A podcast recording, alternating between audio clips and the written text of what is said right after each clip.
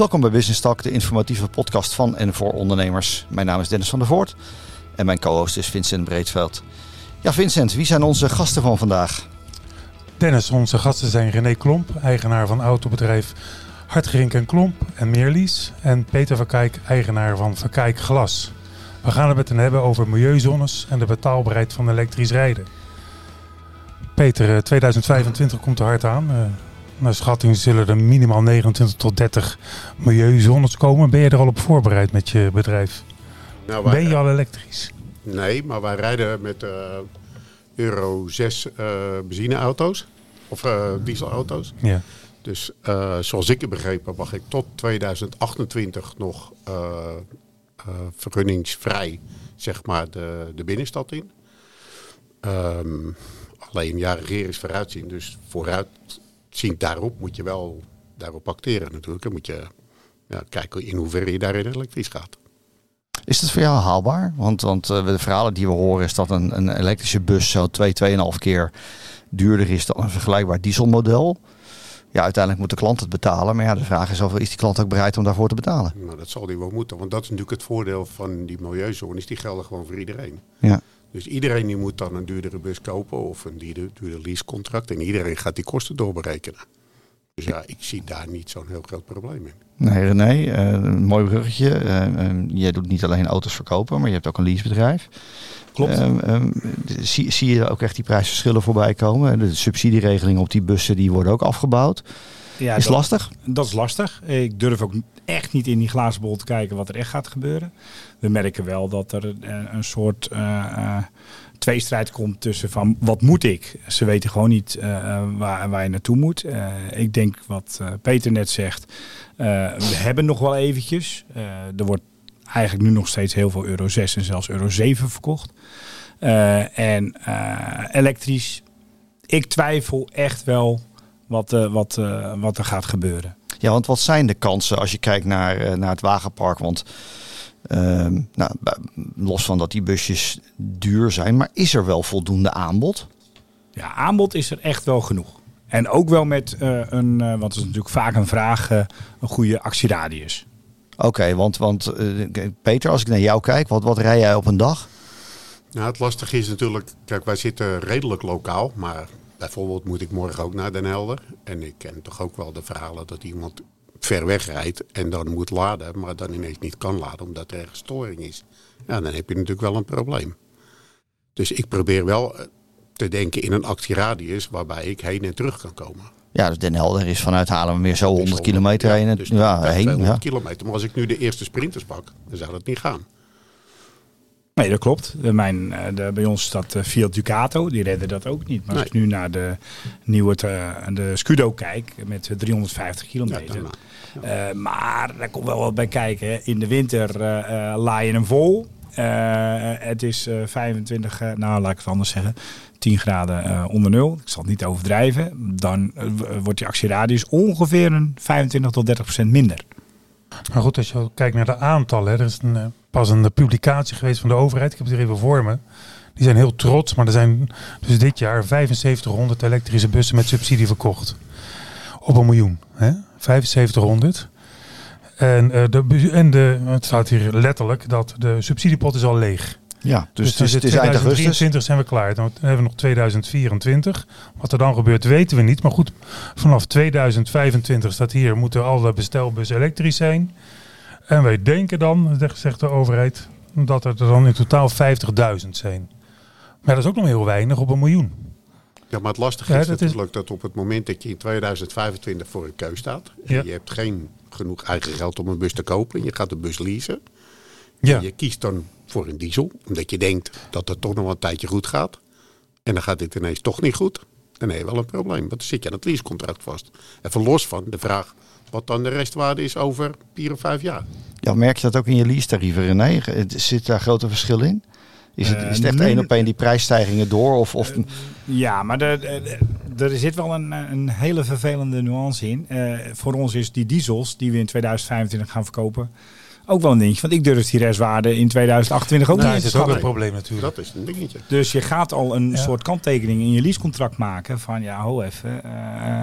Uh, ik denk dat ze aardig gelijk getrokken Dus de afschrijving wordt gewoon harder. Ja. Afschrijving wordt zeker harder. Ja, en, en, maar dan, dan zie je natuurlijk wel meteen dat het bedrijfsleven echt wel een groot probleem krijgt. De, de, de meer is de regio met de meeste bestelauto's. 11% van, van het wagenpark. Nou, dat snappen we allemaal. Er zit veel logistieke bedrijven, busjes en dergelijke dingen meer. Um, merk jij, hè, je bent ook actief in, in lokale ondernemersvereniging. Is dit een onderwerp wat, wat daar leeft? Want Haarlemmermeer heeft nog geen milieuzones. Maar je kan natuurlijk wachten dat, eh, dat die er gaan komen. Ja, die komen er wel. Ja. Die en, komen en, en lobbyen jullie daarover? We lobbyen er ook over. Uh, maar het, het, de, de soep wordt nu nog niet zo heet gegeten. Nee, maar denk je, want je moet natuurlijk wel tijdig acteren. Want zodra die gemeenteraad er eenmaal over gaat praten, dan ben je al bijna te laat. Uh, klopt. Want, uh, en dan heeft het gemeentehuis al bedacht, we gaan wat doen. Dus, ja, maar als je dan nog 60 maanden af, op je lease moet, dan ja, heb je wel een probleem. Ja. Wat ik denk ik wel interessant zou vinden, is wat, hoeveel zonnepanelen heb je nou nodig voor een elektrische auto? Dus als je, als je nou gewoon een, even los nog van brandgevaar, maar als je nou een elektrische bus koopt, hoeveel zonnepanelen heb je nou nodig? En dat je overdag, als je aan het werk bent, een accupakketje volgooit en s'nachts uh, die bus weer vollaat. Dat is natuurlijk interessant en dat moet je eigenlijk in één leaseconcept gooien. Dan hoef je, als ondernemer niet zeg maar in één keer te investeren in, geen idee hoor, 20 zonnepanelen, uh, omvormers, uh, weet ik veel. Dus dan, maak je, dan koop je wel een bus van 40 of 60.000 euro. Maar dan komt er misschien 15.000 euro kosten bij. Maar die kan je natuurlijk over een langere tijd Ja, dat is een interessant, interessante optie natuurlijk om dat op zon te doen. Maar een ander probleem, in, in, uh, zeker in het westen van het land, is ook dat er geen, geen stroopkabels genoeg liggen. En dan kun je zeggen, ja maar goed, ik stop die, hè, die, die elektriciteit meteen in mijn eigen auto. Mhm. Dus dan heb ik die kabel niet nodig. Maar volgens mij is die kabel wel degelijk nodig, omdat anders dat systeem niet werkt. Nou, ik denk dat het andersom is zelfs. Uh, want jij rijdt met je uh, auto naar die locatie toe waar je aan het werk bent. Mhm. En wie zegt dat je daar aan de stekker ja, nee. Jazeker, ja. Ja, ja dat is natuurlijk ook. Hè. Ik, ik, ik, zag een hele interessante publicatie een paar weken geleden over, over camping-eigenaren die steeds vaker geconfronteerd worden met de vraag: heb je een laadpaal? Waarbij een zo'n camping-eigenaar zei: Ja, ik heb toch ook geen dieselpomp op mijn terrein staan. Ja. En ik moest er in eerste instantie om lachen, maar, maar ik snapte hem al wel. huisje. Hè? Dan, nou, maar dat is wel grappig. Verboden de auto te ja, dat, dat, er wordt verboden te laden, wordt er tegenwoordig gezegd. Verboden te laden zie je nu staan, maar uh, je ziet bij sommige campings uh, stappen daar wel op in. En die uh, zeiden voorheen, ik ben voorzien van wifi, want dat was de eerste vraag. Ja, en nu is precies. Vraag, en nu is laden. maar kan, kan ik dat dan ook met diesel vol tanken? Ja, ja, nee, maar dat, ja, het, is, het blijft altijd een... maar we kunnen er kunt om lachen. En, en jij zegt terecht, die soep wordt nog niet zo heet gegeten. Er wordt aan gewerkt. Maar denk nou even door naar over drie of vier jaar. Um, wat als nou die oplossing er niet is? Welke, welke mogelijkheden heb je dan om die binnenstad in te komen? Je hoort allerlei last mile oplossingen, maar dan zie ik Peter voor me met zo'n ruit op zijn nek en de stopverf in die, in die bakfiets liggen. Dat gaat het voor jou natuurlijk niet werken. Nee, kijk, je, je, ziet natuurlijk, je krijgt natuurlijk allemaal hubs aan de rand van de stad. En, en het, ik kan me best voorstellen dat je dozen en dat soort dingen, dat dat voor te doen is. Voor eh, pakketdiensten, prima. Ja, Coolblue bezorgt al eh, met bakfietsen. Ja. ja. Die, uh, nou, ik zie het met glas niet echt gebeuren, zeg nee. maar. Nee, het probleem is ook een beetje, Dennis, denk ik, wat je precies wil regelen. Wat wil je nou eigenlijk precies regelen met die maatregelen? Want die auto's blijven wel rijden dan buiten die milieuzones. Dus dat lost het niet op. Er, er zijn dat lost het milieuprobleem niet op. Niet op, nee, nee precies. Dus als, je, dus als je het aantal verkeers... Er zijn deskundigen die zeggen als je het aantal verkeers uh, bewegingen wil tegengaan, dan moet je zorgen dat ze niet meer leeg rijden. En kijken of je daar niet een, plan voor kan bedenken. Nou ja, in Amsterdam hebben ze nu toch de Weesperstraat al afgezet. Daar, daar kun je niet meer doorheen. Dat zet het verkeer in de hele stad op een hoop. Dat je er niet mag. En nee, maar dat, is een soort doorgaande weg in het centrum. Waarmee de hele stad op een hoop ligt. Klopt. Maar ik denk wel dat, dat dat ook de, de, de opgave is. Uh, en misschien dat ze nog wel voor bepaalde uh, werkzaamheden, die bijvoorbeeld noodzakelijk zijn, nog uitzonderingen maken. Want verkeers, Zeker. Uh, verkeersbewegingen gaan afnemen omdat er al milieuzones komen. En als er voor die dag een, een reparatiebedrijf nodig is, zoals Verkijk voor een ruit of een loodgieter, dat die nog een eenmalige toestemming gaat krijgen. Daar wordt ook al over gesproken. Ja, of die gaat als je maar één keer, klopt. Hè? Als je maar een enkele keer... Uh... Nou ja, je ziet, ja. we hadden het in het voorgesprek even over wat ze in het buitenland doen. Je ziet in het buitenland wel oplossingen van, je hebt een even kentekennummer, dan mag je op maandag, woensdag en vrijdag de stad in. En met oneven op dinsdag, donderdag en zaterdag. Maar en wat op zondag doen weet ik markt natuurlijk wel, maar niet zo erg voor, denk ik, voor ondernemers. Voor nee, maar dat zou je natuurlijk... Dat, nou ja, maar dat zou je natuurlijk net zo goed kunnen regelen voor bedrijfsbussen. Twee bussen. Ja, ik zie dat uh, mijn geest alweer dwalen. Dat je dan twee bussen gaat nemen of of uh, kentekenplaten omhangt. Maar dat lijkt me ook niet echt ja, handig. Je hebt, natuurlijk, je hebt natuurlijk ook calamiteiten dingen. Ja. We hebben voor de stad hebben we allemaal ontheffingen. Dus ik mag op, op het voetpad staan, ik mag op het fietspad staan, ik mag in principe overal staan. En dat denk ik dat er ook komt. En dat ga je voor dat soort dingen krijgen. Ik moet nog een ruit in het Oblivio-gebouw doen. Ja, dan moet ik een verkeersvergunning aanvragen. Maar dat is een druk gebied. Daar hebben ze een aparte afdeling voor. Ja. Nou ja, jij zegt dat hè, over vergunningen en, en daar, kun je dingen mee regelen. Terwijl we hier aan het opnemen zijn, rijdt er een ambulance voorbij. Een, een diesel Mercedes-bus. Mhm.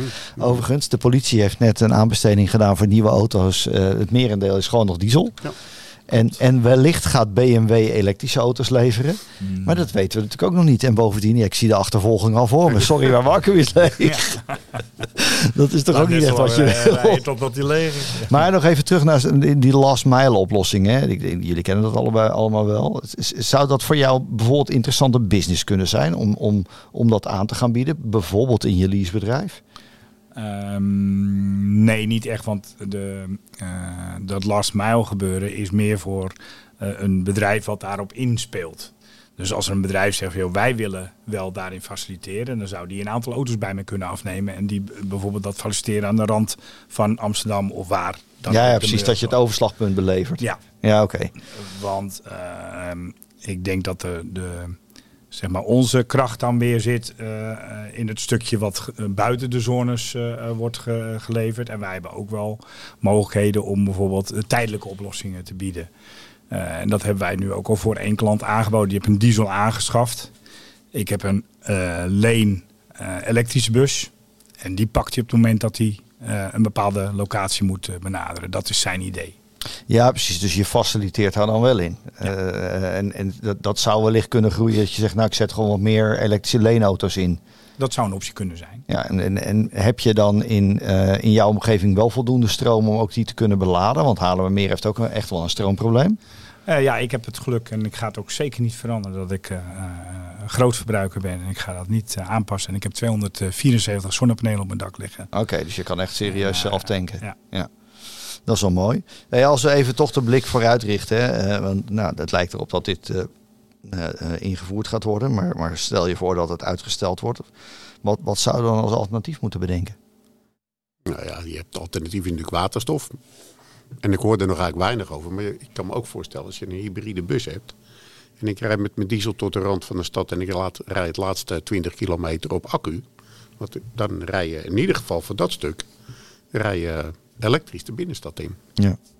Ja, het wordt alleen uh, diesel, uh, sorry, uh, bedrijfsmatig in bussen wordt het nog nee, niet aangeboden. Wordt niet gedaan.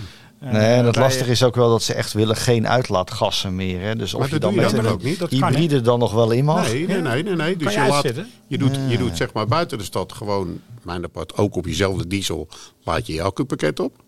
Of je gebruikt hem niet, je rijdt met een volle accu weg. Maar je gebruikt je accu niet.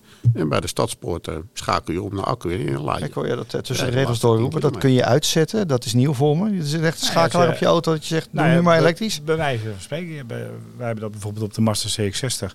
Heb je gewoon een, een, een modus zitten. En je, wat je zegt, je laat, kan zelfs laden nog. Uh, je, je accu's onder het rijden. En dan zet je hem in, op de EV-modus. En op dat moment weet je ook zeker dat je benzinemotor niet aangaat. En dan kan je gewoon uh, de stad inrijden. Maar dat is alleen nog maar op persoonauto's. Ja. Je zou misschien ook kunnen differentiëren naar beroepsgroep. Ik heb geen idee of het onderzocht is hoor, maar als je een miljoen van die dingen hebt, van die bussen, hè, merendeel ZZP'ers, dan moet het toch te achterhalen zijn van wat zijn dat voornamelijk? Als het voornamelijk pakketbezorgers zijn, ik noem het maar, dan zou je ook daar een stukje wetgeving op kunnen maken dat, je, dat je daaraan differentieert. Ik bedoel, wat het is. Ja, de, de interessante vraag. glasplaat. Moet je alles in wetgeving stoppen? Nou ja, de, nou, maar differentiëren ben ik het wel. Ja. Eens hetzelfde ja. wat je uh, zegt. Ik weet zeker dat de ambulance een bijvoorbeeld een, die uh, uitzondering die ja, nee, zonder meer. Hij kwam toevallig voorbij. Nee, maar, uh, maar dat, zou in beroepsgroepen ook moeten doen. Ja, het geeft een hoop, een hoop fus natuurlijk. Maar ja, je, je moet iets Nee, helemaal eens. En, en daar we hadden het net al over. In de bezorgsector zie je natuurlijk elektrisch al voorbij komen. Hè. Eh, bakfietsen en dergelijke dingen meer. Die jongens rijden toch vaak een wijk. Uh, een wijk moet je dan enigszins ruim, ruim nemen. Mhm. Maar neem even een, eh, een, een dorp als Nieuw-Vennep. Eén bezorger kan zomaar denk ik dat hele dorp doen.